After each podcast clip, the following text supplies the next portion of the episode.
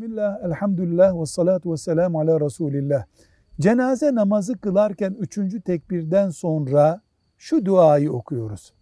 Allahümme gfir li hayyina ve meyyitina ve şahidina ve gaibina ve zekerina ve unthana ve sagirina ve kebirina.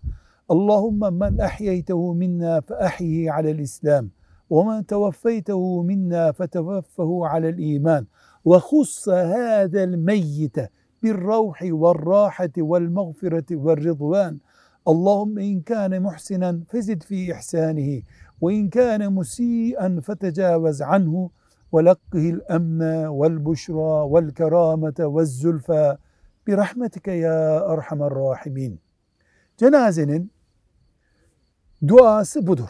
Resulullah sallallahu aleyhi ve sellem farklı cenazelerde farklı dualar okumuş. Bir tanesi budur. Bunu bu şekilde okursak çok büyük ecir kazanmış, kazandırmış oluruz cenazeye. Birazı da olur. Bunun yerine dua olarak Fatiha'da okunabilir. Velhamdülillahi Rabbil Alemin.